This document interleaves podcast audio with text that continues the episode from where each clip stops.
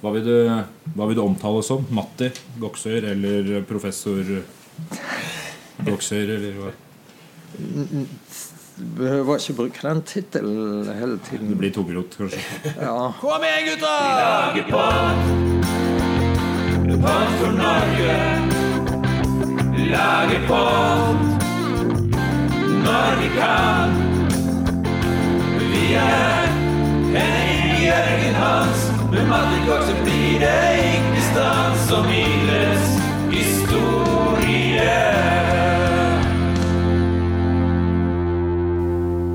Hei, hei, hei, hei, hei, og velkommen til nok en episode av denne fantastiske historiske podkasten Den gang da. Mitt navn er Henning Mortensen, eh, og som vanlig har jeg med meg Jørgen og Hans. Hei. Hei. Hei, Men vent litt, vi har også med oss en gjest i dag, og ikke hvem som helst. Vi har med oss professor Matti Goksøyr. Velkommen. Tusen takk. Eh, Du har jo eh, blitt med for å snakke litt om idrettshistorie. Ja, Det er vel eh, det er din spesialitet? det er nok det. Ja. Så eh, vi, vi merker jo når vi på en måte har tømt oss for egne temaer, så da tenkte vi at vi skal ha med litt eksperter. Og det setter vi veldig pris på at du har lyst til å være med oss i dag. Jo da. Så takk for det. Så da er vi for anledningen på Idrettshøgskolen, på ditt kontor. Det er vanskelig å få med seg det rent eh, lydisk, men vi er et annet rom. Vi er, vi er reist, Vi er reist. eh, for å møte deg. Og eh, vi skal jo snakke litt om idrett. Og aller først, Matti, hva er idrett? Hva er det som er liksom definert som idrett? Det er kanskje et litt stort, åpent spørsmål, men eh, hva tenker du? Ja, det er et eh, stort spørsmål som det går an å skrive sidevis om. Eh, nei, idrett eh, sånn som vi oppfatter det i dag, eh, handler jo om eh, eh, fysisk aktivitet i en konkurransesammenheng. Og så eh, er det jo alltid diskusjoner. Hvor går grensen for dette her? Sjakkidrett er jo noe som har vært eh, diskutert, særlig når, når vi har VM-runder i sjakk, så kommer den diskusjonen opp. Og eh, jeg vil jo si at det, det er ikke noen absolutte grenser her. Hvis vi går tilbake i norrøn vikingtid, så var jo så ville jo sjakk absolutt falt innenfor idrettsbegrepet. For da eh, hadde en et idrettsbegrep som eh, innbefattet både fysiske og eh, det vi kan kalle intellektuelle ferdigheter. Åndelige ferdigheter. Det å kunne navigere etter stjernene på himmelen, det ble regnet som god idrett. Det å kunne synge, kvede, dikte, det var også god idrett. Det å tåle å drikke masse mjød, det var god idrett. den savner jeg. Det merker jeg. Den, det burde vært noe. Så de hadde et utvidet idrettsbegrep. Ja, ja. Og i, i moderne tid så er jo dette idrettsbegrepet blitt eh, mye mer innsnevret. Og noen opererer til og med med et sånt idrettsbegrep som at idrett er det som idrettens organisasjoner sier er idrett. Og da, eh, da har vi jo snevret det ganske mye inn. Hva er det som typisk faller utenfor da, hvis man definerer seg ut av idrettsbegrepet? Man- Fyll er jo ikke lenger ja, altså, er, det, er det noe som på en måte burde vært med i idrettsbegrepet, tenker du da, som, som ikke er det? Uh, nei, altså jeg har ikke sånne kampsaker på akkurat dette. Men eh, hvis vi bare går tilbake til eh, mellomkrigstiden i Norge, så hadde vi jo to idrettsforbund. Et eh, arbeideridrettsforbund og et eh, det vi kan kalle vanlig, noen ville kalle det borgerlig idrettsforbund. Og eh, Arbeidernes idrettsforbund de hadde et eh, mer utvidet eh, idrettsbegrep. fordi de innbefattet sjakk, som vi har snakket om, bridge og brevduesport. hadde de noe som de kalte. Det er, Brevdue. det er litt spennende. Det er jo ikke det man tenker på som klassisk arbeiderklasse. Brevdue. Brevdue og sjakk. Nei, det er ikke det. Ikke. Nei, det er ikke det. Men hvis vi, hvis vi ser på idrett, da. eh, Vi er jo i stort historisk perspektiv. Hva er liksom den tidligste idretten vi har noe kjennskap til? Har man alltid drevet med idrett? Eh, Det er selvfølgelig helt umulig å svare på fra et sånn strengt faglig perspektiv, men i, i hvert fall ganske lenge eh, virker det som folk har vært interessert i kappestrid og konkurrere med hverandre og måle krefter. Eh, finne ut hvem som var sterkest, hvem som var raskest. Altså Den type uformell kappestrid eh, har vi nok hatt eh, veldig lenge. Ja, jeg har jo en femåring hjemme, og det med sånn iboende konkurransebehov, det kan jeg kjenne igjen. For der er det, der skal det konkurreres. Er det du som vil konkurrere, eller han? Det er jeg. Det er du, For jeg er jo endelig en jeg kan slå. Ja. Ja. Men, eh, men sånn kildemessig, da? Hva er, litt- har vi noen kilder på tidlig idrett og tidlig utførelse av idrett? Kanskje litt mer så formalisert idrett? Ja, Hvis du tenker formalisert, så er det lett å tenke på den greske antikken og eh, deres eh, olympiske leker. Det ble jo kalt for det. Ja. Og der eh, fins det kilder tilbake til 776 eh, før moderne tid. Altså da, da har vi de første resultatene fra det som ble kalt for olympiske leker. Eh, det betyr jo ikke at dette er det liksom startstreken. Sannsynligvis fantes det ting før dette også, men det er det første sikre årstallet. I hvert fall eh, for det vi snakker om som idrett. Så har det sannsynligvis eh, foregått ting eh, også tidligere enn dette. Men det er, det, det er vanskelig å si med sikkerhet. ja. Og de greske lekene er jo kanskje noen kjenner til. Men hva var grunnen til at, til at det møttes og konkurrerte disse greske bystatene? Hva, hvilken liksom, funksjon hadde det for, eh, for de som bedrev med det? Det hadde tydeligvis en ganske sterk funksjon for den greske kulturen. Fordi eh, altså den, den greske kulturen var jo oppsplittet i bystater som lå og kriget med, med hverandre innimellom. Eh, Men de syntes at idrett var så viktig at de alle sammen møttes til idrettskonkurranser. Eh, Og den viktigste av disse konkurransene var jo olympiske leker. Og den foregikk jo på et eh, religiøst sted, altså i Olympia, til ære for Sefs, som jo var selve sjefsguden i, i den greske mytologien. Og eh, Sånn at eh, idretten hadde både en religiøs funksjon eh, Hvis en lykkes i idrett, så var det et bevis på at en hadde gudene på sin side. Og det ga jo en trygghet eh, i, i de fleste sammenhenger. Ikke minst hvis en skulle gå til krig mot nabostaten, så var det greit å vite at eh, Gud var på vår side. Eh, I tillegg så var det vel idrettsgrener som jo var kobla til krig Til altså, ferdigheter i krigføring, var ikke det? Eller det har i hvert fall vært vanlig. Jo, altså sånn som eh, viser styrke, Mm. eh, har jo vært vanlig.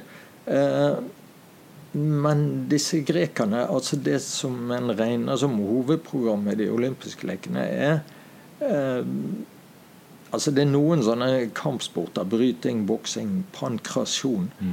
var en klassisk sånn Pankrasjon. Pankrasjon var? Nei. Det, det var en blanding av eh, i dag Altså det har faktisk kommet tilbake, dette begrepet, eh, som en del av sånne mixed martial arts. Ja. Eh, MMA, der en slåss inni et cage, et bur, og det meste er tillatt. Eh, og det Til, til døden, eller til eh, ikke Altså, det, det hendte nok at eh, noen døde i gresk idrett. Den var mer brutal enn vi liker å tenke på. Men det kunne også skje i boksing og bryting. Så var mer brutale varianter av, av det vi tenker på i dag. Men pankrasjon var altså en slags blandingsslåssing, vil nok noen kalle det i dag. Eh, Men det, det krevdes kunnskap, teknikker, eh, forsvarsteknikker. Så det, det kan absolutt sammenlignes med, med idrett. Og eh, det var folk som var dyktige i dette, og folk som var mindre dyktige. Mm. Ja. Det, jeg har jo drevet litt med litt kampsport, og det, det er vanskelig å slåss mot en som er bedre enn deg. Det kan jeg skrive under på. Men du knakk aldri nesa, Henning? Jeg gjorde ikke det. Ikke? Jeg slapp det. Ja, men eh, olympiske lekene er jo, er jo i Hellas. Men jeg, hvis vi beveger oss litt over til Romerike, fordi jeg tenker også der er jo idrett kanskje forbundet mer med eh, sånn sverd og slåssing og gladiatorer og sånn. Er det også idrett?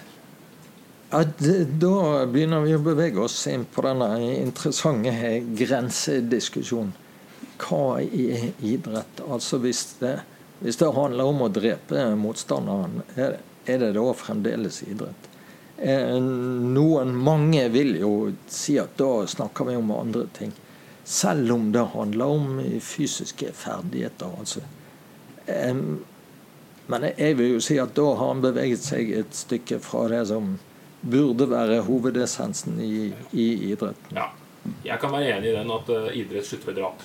Det, Det er greit Eller eh, men er- litt før, kanskje. ja, litt, før, litt før drap, ja. Men ikke før. Litt sånn utfordring med Holmgang også. At man sett ikke nødvendigvis skulle drepe hverandre, men hvis man, man endte opp med vise at du endte, at man endte opp der allikevel. Husk dette er en historiepodkast, da, da må du forklare hva Holmgang er, eh, Hans. Ja, det er et uh, debattprogram fra 90-tallet. Nei, men du er jo inne på sånn eh, norrøn vikingidrett. Og det, det var jo også Det er jo litt interessant med idrett at det er jo ikke noe en har drevet med like mye til alle tider. Men det er enkelte eh, epoker, perioder, der en har vært eh, ekstra interessert i dette. Og den greske antikken var en typisk sånn epoke. Og norrøn vikingtid var en annen sånn historisk periode der dette betydde mye. Det ga prestisje å være god i idrett. Og det har ikke alltid gitt eh, like mye prestisje.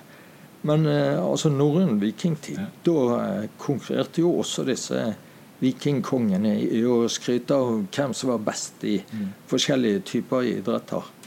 Så der er det jo mange eksempler fra sagaene om at det ikke er måte på hvor dyktig de enkelte er. Tryggvason var jo imponerende ifølge Han som løp over eh, årene, var det ikke det? Ja, for- I eh, Det var eh, Han løp på våren. Harald Hardråde ramset opp eh, syv eller åtte idretter som han var framifrå i.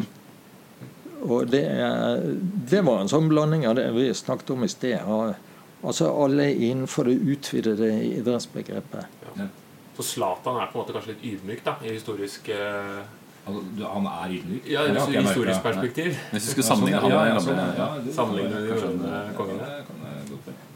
Ja, det nei, der går det an å bare slå opp i sagaene. Ja, Og, ja, det fordi jeg, eh, Når du leser f.eks. Egil Skallagrimsens saga, Jørgen, som du også kjenner godt så Det er mye vold. Når han dreper han eh, karen, da er han vel sju år gammel, eller sånn, han dreper han andre karen med øksa. Og kvadre, eller kom med et kvad etterpå Ja, det var om, eh, om hva mora hadde sagt eh, om dette her. Og hun var fornøyd. Så er det jo en sånn Hvis, hvis begge de to delene, bortsett fra kanskje drapet, da, men idretten i seg sjøl også, også på en måte defineres som idrett, i tillegg til selve diktinga, Mm. så var han jo allerede som syvåring dikt, dyktig innenfor to ganske spesielle Da har man det som, grener. som Martin nevnte, at, at, det er på en måte en, at hodet er også med da, på Mm. eh, det man er, anser som viktig. Hvis du skal ha hodet med deg, så må du også være flink til å kvele, som du nevnte i stad. Det er en tosidighet, da. Men, eh, men øh, ja. Men i, hvis vi går litt videre i historien da Hvis du ser på, du nevner liksom norrøn og vikingtid og sånne ting Da var idrett viktig Mister man det i middelalderen, eller er det fortsatt viktig? Eller hva, hva skjer med idretten utover da Etter kristning og middelalder Men og Har man ikke tid, eller eh, er det, er det et overskuddsfenomen å drive med idrett? det er det jo. Altså det, det siste må det jo være et overskuddsfenomen.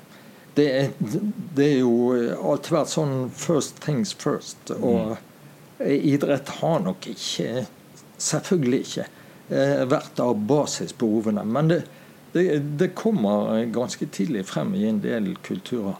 Men eh, så forsvinner det og da er jo det interessante spørsmålet det dere stiller nå, hvorfor blir det borte? eh, Tilsynelatende. I hvert fall forsvinner det fra kildene våre. Og eh, da har en jo lurt på hva er det som foregår. Kan det være kristningen, kristendommen? Og eh, jeg skal ikke se bort fra at det har spilt inn her, for det, det spilte opp, opplagt en rolle i den greske antikken. Altså det, det var jo kristendommen som gjorde at de olympiske lekene eh, forsvant. For da ble det forbudt. Altså når eh, de kristne keiserne overtok eh, Romerriket, så forbød de hedenske festivaler, som de kalte det.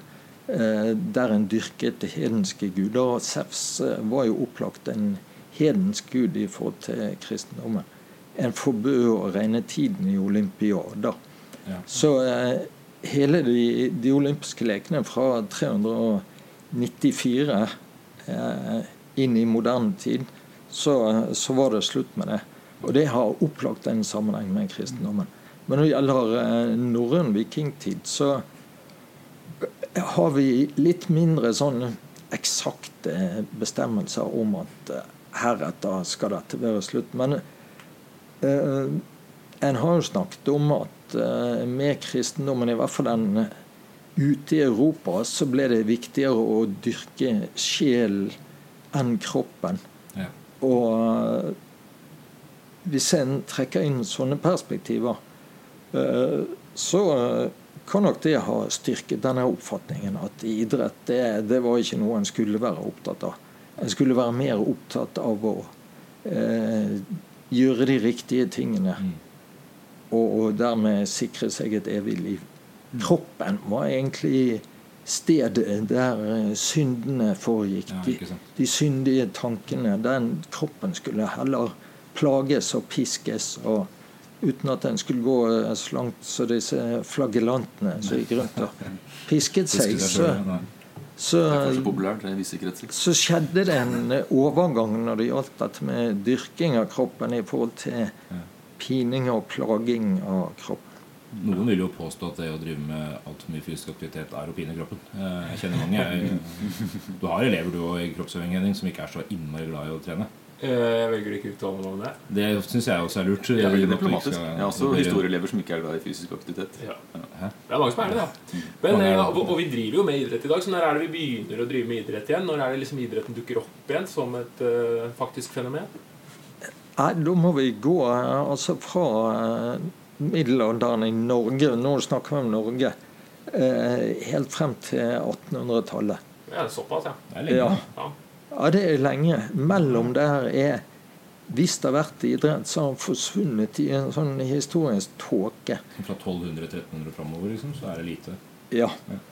Der det stikker opp noen eh, noen få sånne kilder som, eh, som indikerer at eh, en har tross alt holdt på med lite grann, men det var ikke på samme nivå som i norrøn vikingtid, og heller ikke det som skulle komme sånn fra midten av 1800-tallet. Da, da begynner idretten å komme tilbake. Mellom der så er det enkelte utsagn, men da, da handler det mer om det vi kan kalle fysisk aktivitet. Eh, altså en har drevet med bryting eh, på bygdene. Le. Slåss litt. Leking og slåssing er en, en del av dette i Et par grenseland. rævkrok har vel blitt utført Ja. på bygdene i Norge opp igjennom. Men sterke folk som løfta stein, og folk som løp langt og sånn, det var kanskje sånn enkelttilfeller mer enn det var en vanlig greie. For Det er liksom det jeg har hørt om noen folk som drev med sånt. da. Ja, altså det, det er sånn På 1700-tallet dukka det opp eh, sånne fortellinger om eh, sterke folk. og Sterke Nils i Seljo og steinen han skal ha løftet. Og, Det Det var, det var en i Ørje der jeg har familie som, eh, som ble sagt han pekte med plogen rett ut i hånda. Altså, han holdt plogen med armen, så bare pekte han med plogen for å vise vei til den som kom forbi. Ja. Sånn på strak arm, da. Ja, jeg skjønner. Ja. Det, det skal være tungt. Ja. Sånne, sånne historier er det jo en del av på bygdene. da hvor du, ja. Bare for å vise styrke, i hvert fall. Om det ikke er idrett, så er det i hvert fall eh, anerkjent på et vis. mm. Men på eh, 1800-tallet begynner det å skje noe. Er det, er det fordi, kan jeg bare spørre er det, Har det med den nasjonalromantiske blomstringen å gjøre? Altså At det handler om liksom at her altså hvis, hvis skisporten igjen blir eh, ja, Det har kanskje ikke vært noe skisport før 1800-tallet heller. At man gikk kanskje på ski, men det var ikke noe spørsmål. Det var, eh, det var bare jeg som bobla. Men hva, Du vil ikke ha svar på det? Nei. har det noe med romantikken å gjøre her? Er det Eh, Det kom nok inn, eh, men det var nok ikke det som startet det hele. Eh, eh, Nasjonalromantikken og dyrkingen av den norske naturen var jo med å styrke det du nettopp snakket om, skiidretten. Altså det, det å komme seg ut i naturen. Eh, For det medførte jo at synet, blikket på naturen, endret seg. Altså en forandret syn på hva som var vakkert i naturen. Fjellene gikk over fra å være skremmende og mørke til å bli vakre og innbydende. Og noen skulle oppsøke eh, for noe mer enn bare å hente næring. Og gå på jakt og fiske, plukke bær, eh, høsting, sanking. Eh, men det skjedde jo også en eh, Altså noe som ikke bare hadde med naturen å gjøre, men som hadde med kroppen å gjøre. Eh, at en fant ut at eh, en kunne begynne å konkurrere med kroppen igjen. Ble litt mer eh, opptatt av det, det kroppslige. Og en del av disse ideene kom nok utenfra, fra resten av Europa. Der, der begynte en tidligere med eh, Jeg kan kalle det organisert kroppsøving. For sånn som turn og gymnastikk eh, er jo en av de tidlige retningene som dukket opp eh, i pedagogiske sammenhenger, skolesammenheng, og i sånn militære sammenhenger. Så det, det er interessant på den måten at det, det står noe organiserte interesser bak. Altså Det er den ene hovedstrømmen utenfra. Og på den andre siden så hadde vi jo det som ble kalt for den engelske sporten, eller den britiske sporten. Mer korrekt å, å, si. Men så hadde vi jo ting som foregikk i Norge også.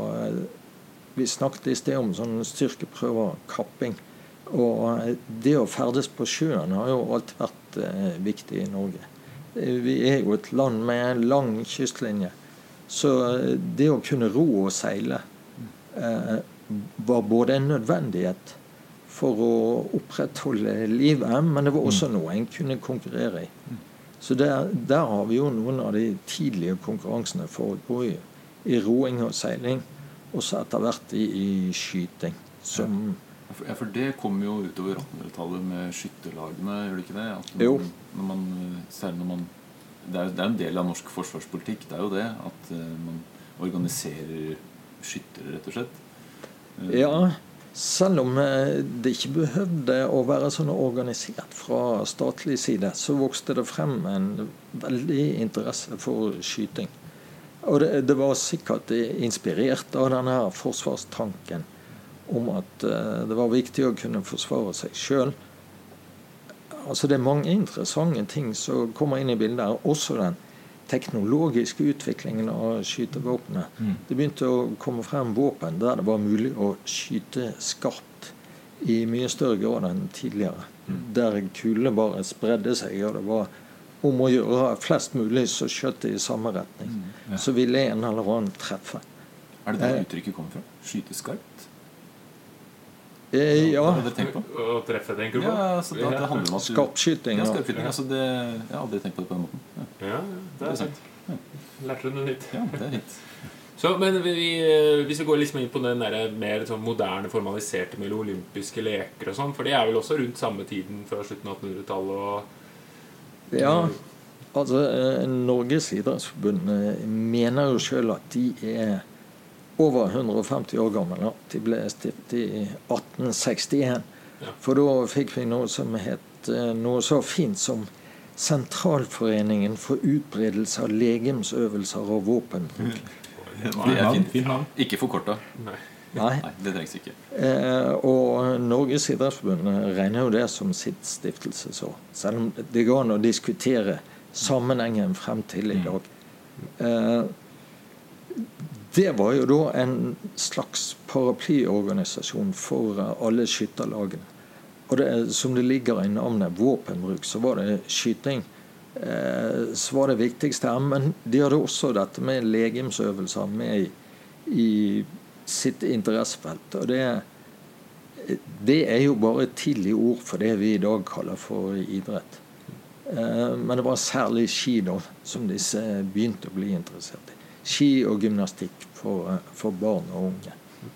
Var det da mest lokal konkurranse, eller begynte man etter hvert å konkurrere internasjonalt? Og når er det liksom land og nasjoner begynte å konkurrere med hverandre og finne ut hvem som var best?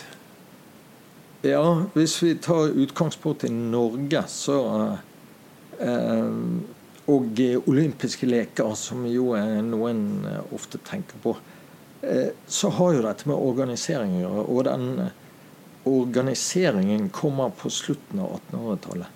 Eh, IOC, Den internasjonale olympiske komité, ble stiftet i 1894.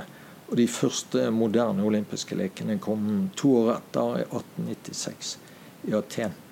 Og omtrent samtidig så eh, begynner det å organiseres internasjonale særforbund. Altså det internasjonale skøyteforbundet, internasjonale fotballforbundet. Alt, alt dette kommer omtrent på samme tid. Fra 1890-årene og, og utover. Og da begynner en å organisere verdensmesterskap. Olympiske leker, som jeg sa. Var det noen Nå- nordmenn med i det første olympiske Ikke i 1896, Nei? men vi kom med fra 1900 og utover. Ja. Hva var det nordmenn konkurrerte i da? Var det Det var eh, altså det som eh, Det var nettopp skyting. Altså det, det vi kjente til og hadde litt tradisjoner for. Skyting, og så kom vi tidlig med i gymnastikk og turn. Og seiling. Ja. Var det noen som utmerka seg da, eller var det Ja, det var det jo. Altså Norge eh, hadde jo en skytter som het eh, Skattebo. Som eh, var den første Tok de første norske medaljene i, i skyting i olympiske leker. Så eh, Så vi Hvis- var- var med å konkurrere, altså? vi var med å konkurrere uten å være noe sånn stormakt. Men det, det som var viktig på den tiden, det var å være med og, og markere Norge på den internasjonale arena. Og Derfor ga jo også Stortinget støtte til eh, norsk OL-deltakelse. Eh, særlig disse lekene i 1906, eh, som var ekstraolympiske Ja, leker. for det er mellom, mellom de vanlige, var det ikke det? Ja, men det markerte tiårsjubileet for Ja. de første OL. Ja.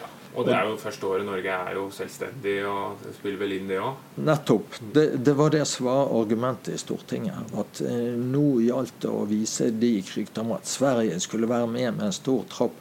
Var det viktig at Norge også var synlig. Ja. Siden da så har det vært viktig å slå svenskene. Ja, Ja.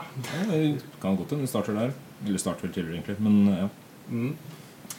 Så, eh, men eh, nå skal jeg stille deg et eh, litt vanskelig spørsmål. Eh, ja vel.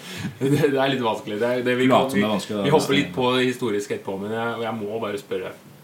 Hvem er liksom tidenes idrettsutøver? Har vi noen idrettsutøvere, ikke nødvendigvis bare Norge, men liksom noen som virkelig stikker seg ut som Han var god, han. Eller hun, for den saks skyld. Hun var god. Er det noen som er uh, sagnomsuste idrettsutøvere som vant alt og alt? oi. Ja, Det var er- stort spørsmål. Ja, det er et stort spørsmål. Dette er vanskelige vanskelig spørsmål. Altså, det er det, det er jo også veldig subjektivt. Det er sånn helt ut fra toppen av hodet mitt så ville jeg jo sagt at Usain Bolt ligger veldig godt an. Han var jo suveren i, i sin tid. Men alle opererer innenfor sin tid og sine områder. Så det jeg vil si det er helt umulig å, å trekke ut eh, bare én. Kanskje vanskelig å personlige favoritter. Altså, det, er jo, altså, det er Folkesporten er å rangere idrettsøyeblikk opp mot hverandre. Sånn, ja. Var det Brasil 1998, eller var det ja. ikke sant?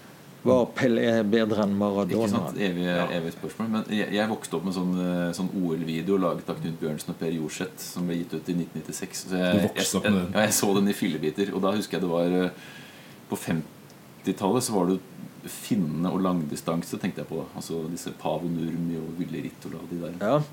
De vant utrolig mange gull. Altså, jeg, jeg, husker ikke hvor mange det var, men det var liksom over en lang tidsperiode. Da. Finland var en voldsom idrettsnasjon eh, eh, i en periode, egentlig helt frem til eh, Lasse Viren hadde han eh, Ja, altså hvis du går helt frem til eh, 1980-tallet så, så vant Finland 50 av alle langdistanseløp i OL. Altså 5000 og 10 000 meter. Er fra starten.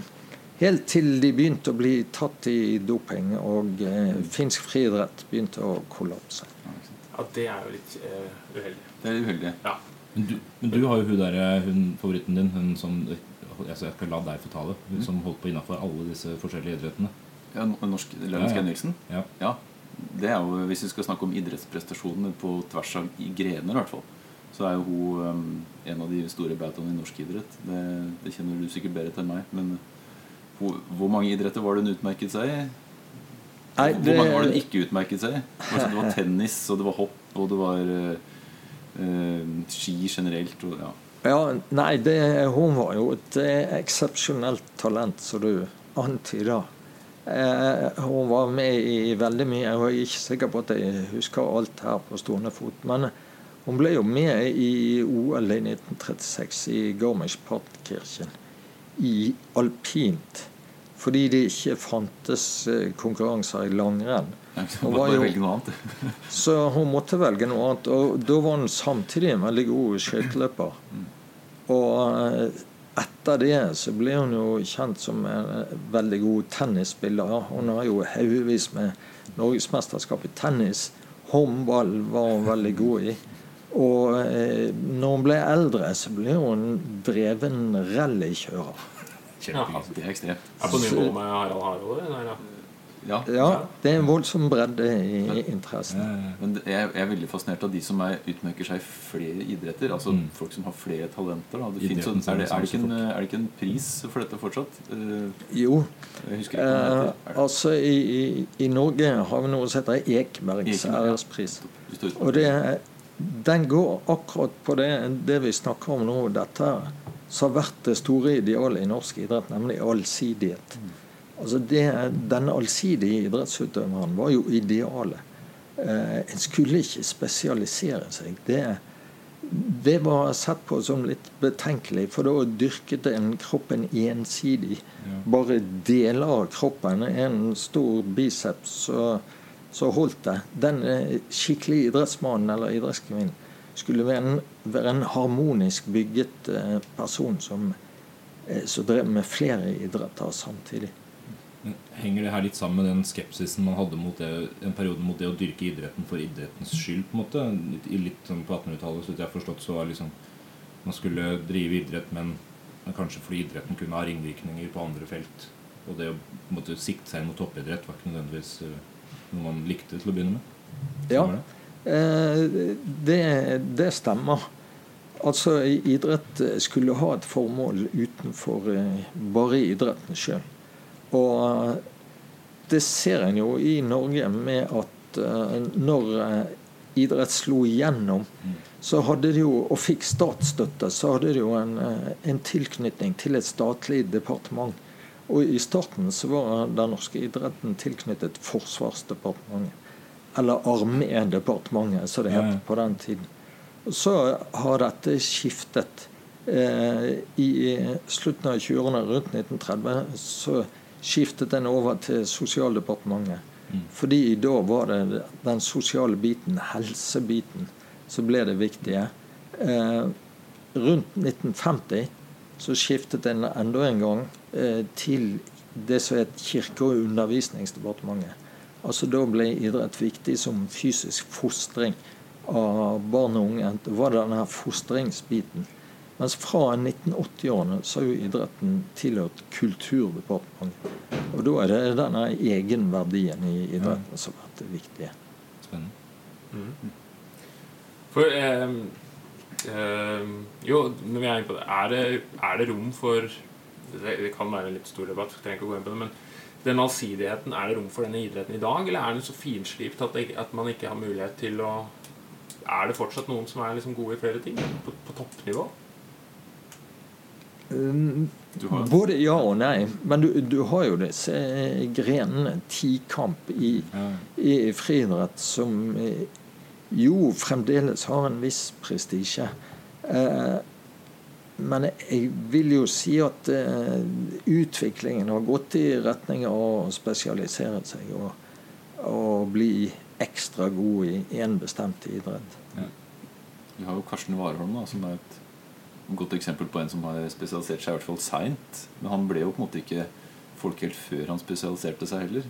Altså Det var jo først når han valgte hekk at han Ja, ja, det var fortsatt også da han slo igjennom, da, så det har jo en sammenheng med det. Ja.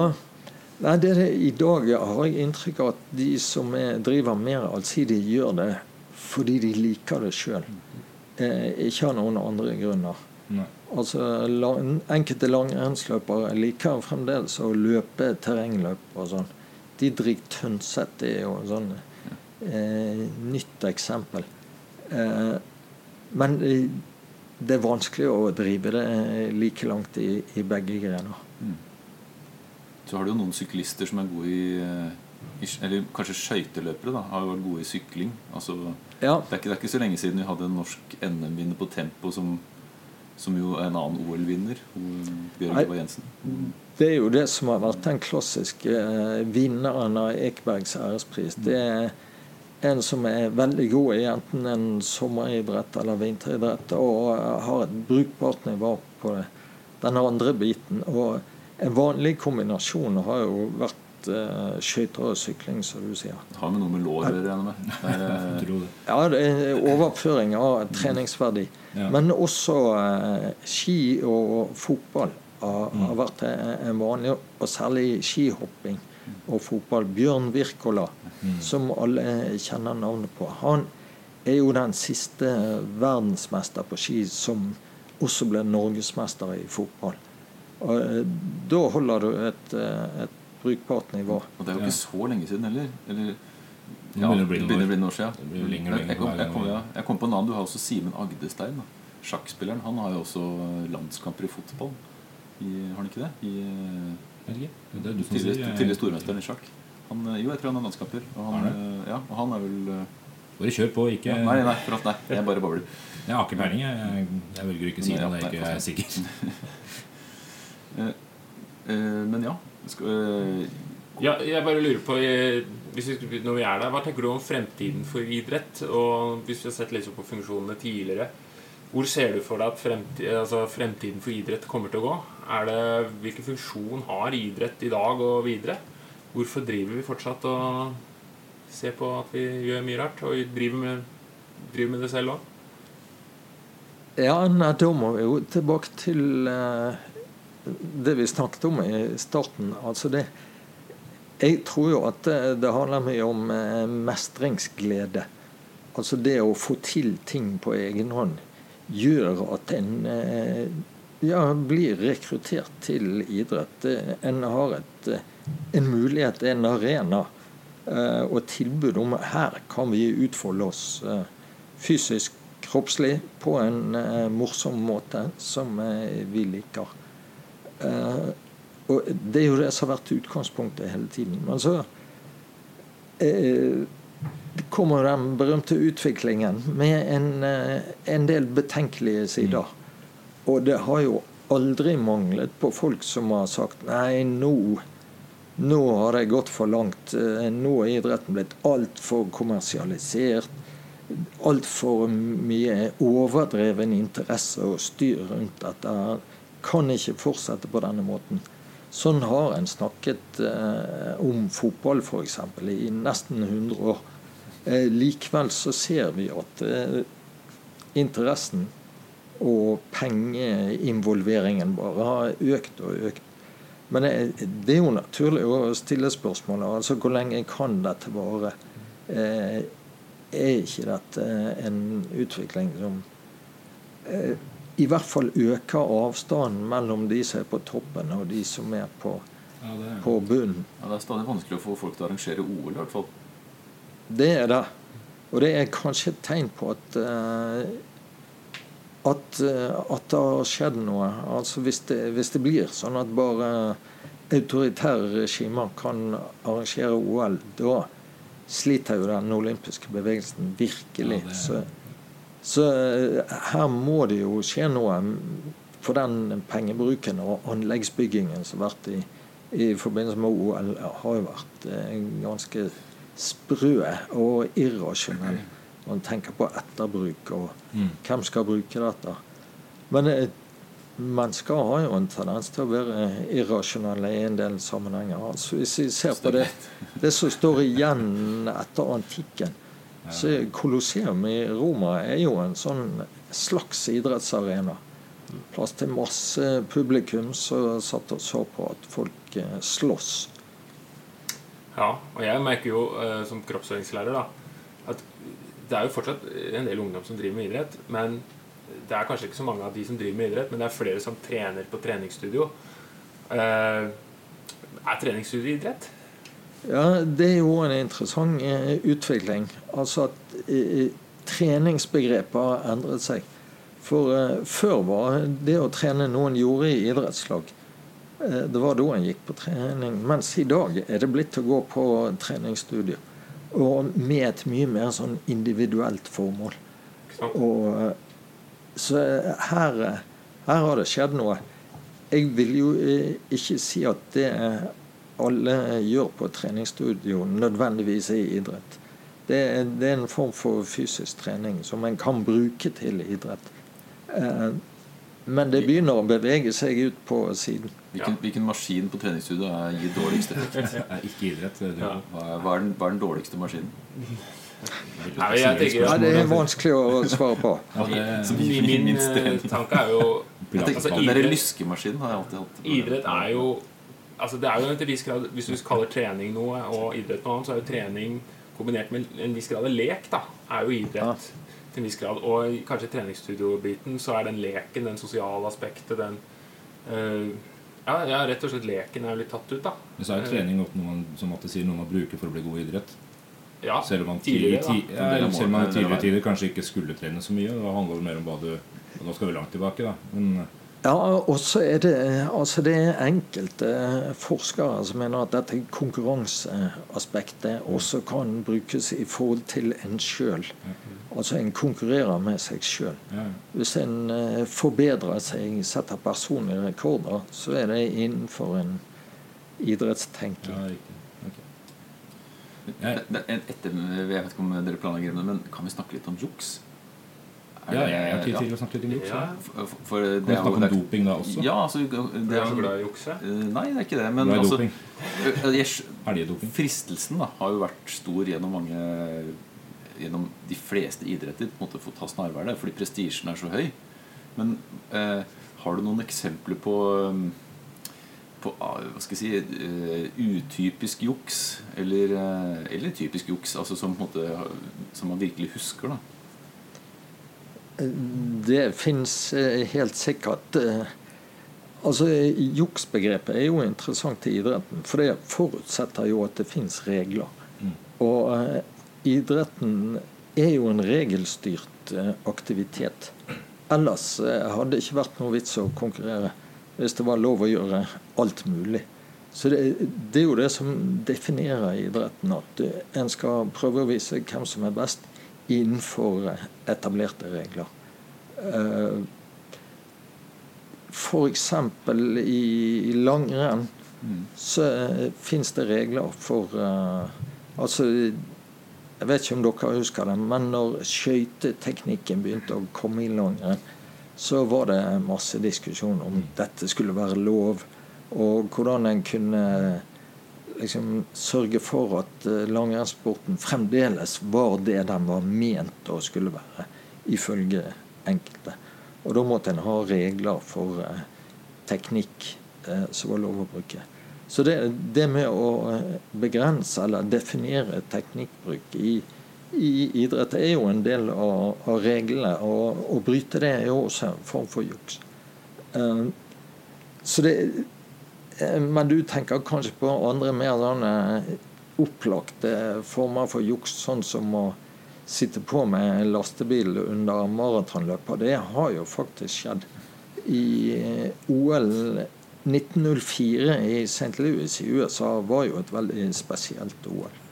For da Og særlig denne maratondistansen. For da, da skjedde det mye rart som vi vurderte med våre dagers øyne vi opplagt ville bli kalt for juks.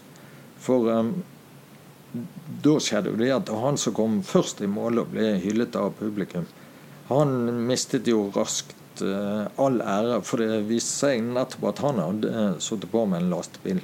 Mint, uh, minst halve, halve distansen. Det var, det var faktisk over, over grensen. Mens han som vant, han eh, innrømmet jo åpent eh, at eh, Han hadde blitt eh, forsynt underveis. Han hadde sekundanter med seg som kjørte i en, en bil. Dette 1904 i USA, en av de første bilene. Eh, Og disse sekundantene hadde forsynt han med en blanding av stryknin og konjakk. Stryknin Altså- er ikke så sunt. Stryknin fins jo i dagens rottegift. Så det er ganske giftig i store mengder. Det en hadde en oppfatning av på den tiden, var at i små mengder så kunne det være smertestillende. Okay. Og blandet med brandy, som vi kalte det på amerikansk, så skulle dette være gunstig.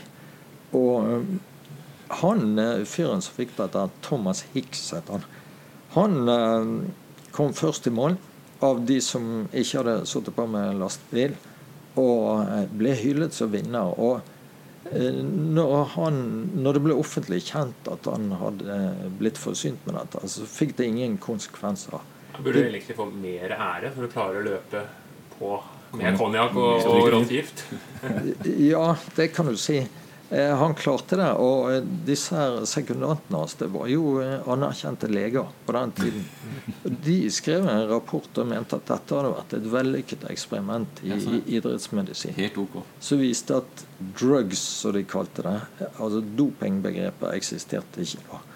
At drugs kunne ha en positiv effekt i idrettskonkurranse. Det var da man begynte å forby doping og prestasjonsfremmende midler. Ja.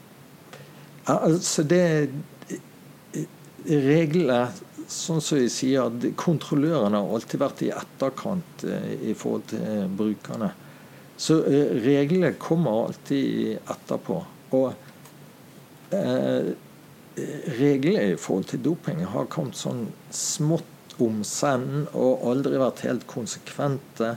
Og en har liksom ikke visst hva som foregikk, foregått. Så f.eks. på 1960-tallet, eh, når kvinner begynte å, å delta i mye større grad enn tidligere, de begynte til og med å trene. Og de begynte dermed å få definerte muskler. Og det var jo noe som utfordret disse mannlige sjefene. Eh, For da begynte de å få et utseende som eh, de ikke var vant til at kvinner skulle ha, særlig ikke elegante idrettskvinner. Så da var jo første refleksen som slo inn hos disse mannlige idrettslederne, var dette kunne ikke være ekte kvinner, for de hadde muskler. Så det, det første de begynte å teste da, det var jo rett og slett kjønn. Altså var dette ordentlige kvinner? Og eh, jeg kjenner bl.a. en dansk eh, idrettshistoriker, kvinne, som eh, var med i OL i Mexico i 1968. De måtte kle av seg og stå nakne foran eh, mannlige leger som skulle vurdere om dette var ekte kvinner. Og Det var i 68. 68. Eh, Så skjedde jo samtidig at eh, blant menn hadde en jo begynt å bruke hormonpreparater. Det var begynt å bli utviklet kunstig. Så det er jo fra denne tiden dette virkelig begynner å skje. Og da begynner han å innføre regler, men eh, disse reglene var ikke helt konsekvente, og de lå alltid i etterkant av, de nye preparatene. Så eh, det er fra denne tiden det, Ja. det begynner å skje. For, for dette er jo i, i, midt i den kalde krigen. Og, Ja. og i hvert fall er det i vår, vårt minne er jo kjent eh, dopingjukset til DDR og til, eh, og til Sovjet. Men jeg er sikker på at eh, det finnes også andre eksempler enn det. Som, Ja, altså det var eh, Det var Du snakker om den kalde krigen. Det, det foregikk jo en sånn farmasøytisk opprustning av idrettsutøvere på den tiden, på begge sider. Det var bare det at eh, altså i østblokken, Sovjet, DDR, så var det statlig regissert. I USA, som var hovedlandet, så var det mer på individuelt nivå. På eh, privat basis. Men det er jo en del kjente utsagn fra amerikanske utøvere også, som f.eks. en vektløfter, eh, Ken Washington, hvis jeg husker riktig, som så sa han gledet seg til OL, for da fikk en se hvem som hadde de beste steroidene. Han er russeren eller meg. Og han, og han hadde veldig tro på de amerikanske steroidene. Ja, det Den beste med historien. Det, ja, det, det fins jo også friidrettsrekorder som, som står fortsatt, eller som ikke hadde vært sletta hvis man ikke har forandra type tekniske øvelser. Så forandrer man jo spydet for å for Ja. å på en måte få Ja, men du, du har jo eh, Det er vel en 800 meter rekord som fortsatt står. Ja, særlig i kvinneidrett står det eh, et par eh, 400 øvelser i løpsøvelsene. Ja. Ja.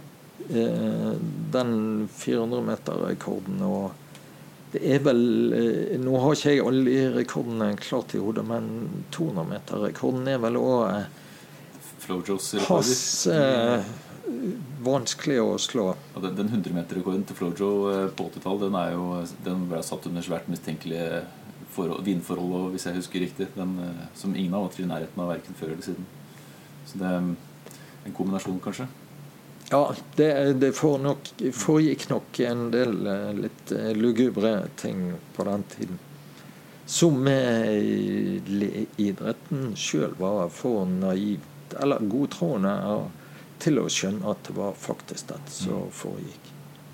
Det, ja, man opplever også at idretten, syns jeg, da, det er personlig subjektivt, men at, at mange idrettsbevegelser ikke er veldig i framkant heller for å bli kvitt sånne problemer. Noen idretter har jo tatt tak, sånn som sykkelsporten f.eks., som har vært Ja.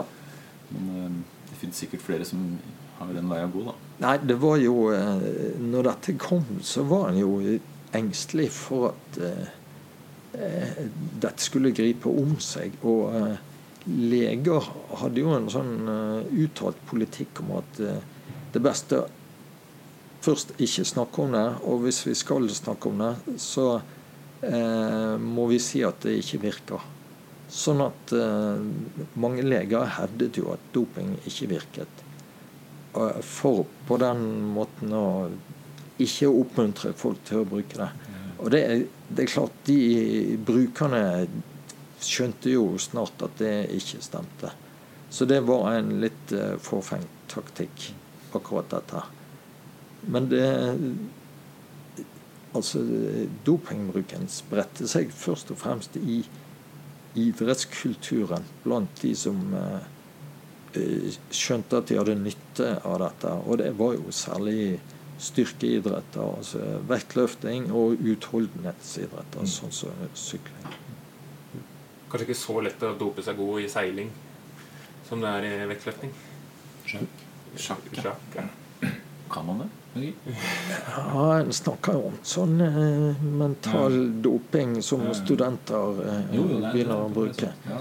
Lettere der enn i seiling, kanskje. Men det er jo det eh, fotballspillere alltid har sagt, at heldigvis går det ikke an å dope seg til et eh, godt nedtak eller eh, en genial pasning.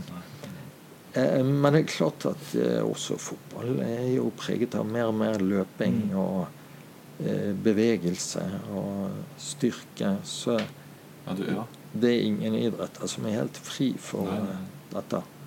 Og doping er jo også blitt en slags uh, Altså, Snakka om treningsstudio i stad. De fleste som driver med doping, er vel nå de som bare trener på treningsstudio for å få store muskler. Mm. Det at det er blitt vanlig akseptert, og at mange som driver med det, er jo også litt betenkelig. Ja. Men uh, da bare si til lytterne da, ikke begynn med doping. Ikke begynn med Nei, ikke med begynn med ikke med doping. Det er juks. Nei, det er juks. Ikke er sunt heller, vet jeg. Nei. Så, uh, men jeg tenker at vi kan begynne å runde av. Og så Jeg spurte om tidenes idrettsutøver i stad. Da kan jeg avslutte med å spille tidenes fotballag. Det er Oi! Det Nå trodde jeg du skulle svare Brann, skjønner du, for jeg sitter og ser på en Brannplakat. eh, Ja, men jeg, er jo, jeg har alltid vært en kritisk Brann-supporter. Så Det er ikke alle Brann-supportere, det. Men, Jo, det er ganske slitsomt å være Brann-supporter? jo da, jeg bekrefter alt dere sier. Men eh, sånn at tidenes Det går vel ikke an å Jo, kanskje gjør det. Jo, jeg sier Brann 1963. Ok. Da sier det er noen år siden. Ja, det er noen år siden. siden. bare med det til kona. Det er noen år siden, Gunn. Eh, Det er noen år siden. Så Ja, vet du det. 1963? Vet, så vet du det, Ingunn, når vi krangler om det her sammen senere. Sier vi tusen hjertelig takk for at du stilte Tusen opp. Takk for at vi fikk eh, komme. Og så avslutter vi. Si idretten kommet for å bli. Ja, det er vi regner med den har kommet for å bli. Ja, Tror du ikke det? vi ser. Det gjenstår å se. Mm. Takk for nå. Takk for nå. Ha det bra. Den gang da, den gang da. Episoden ble jo bra den gang da. Lytt på nytt til alt vi sa. Frem til neste den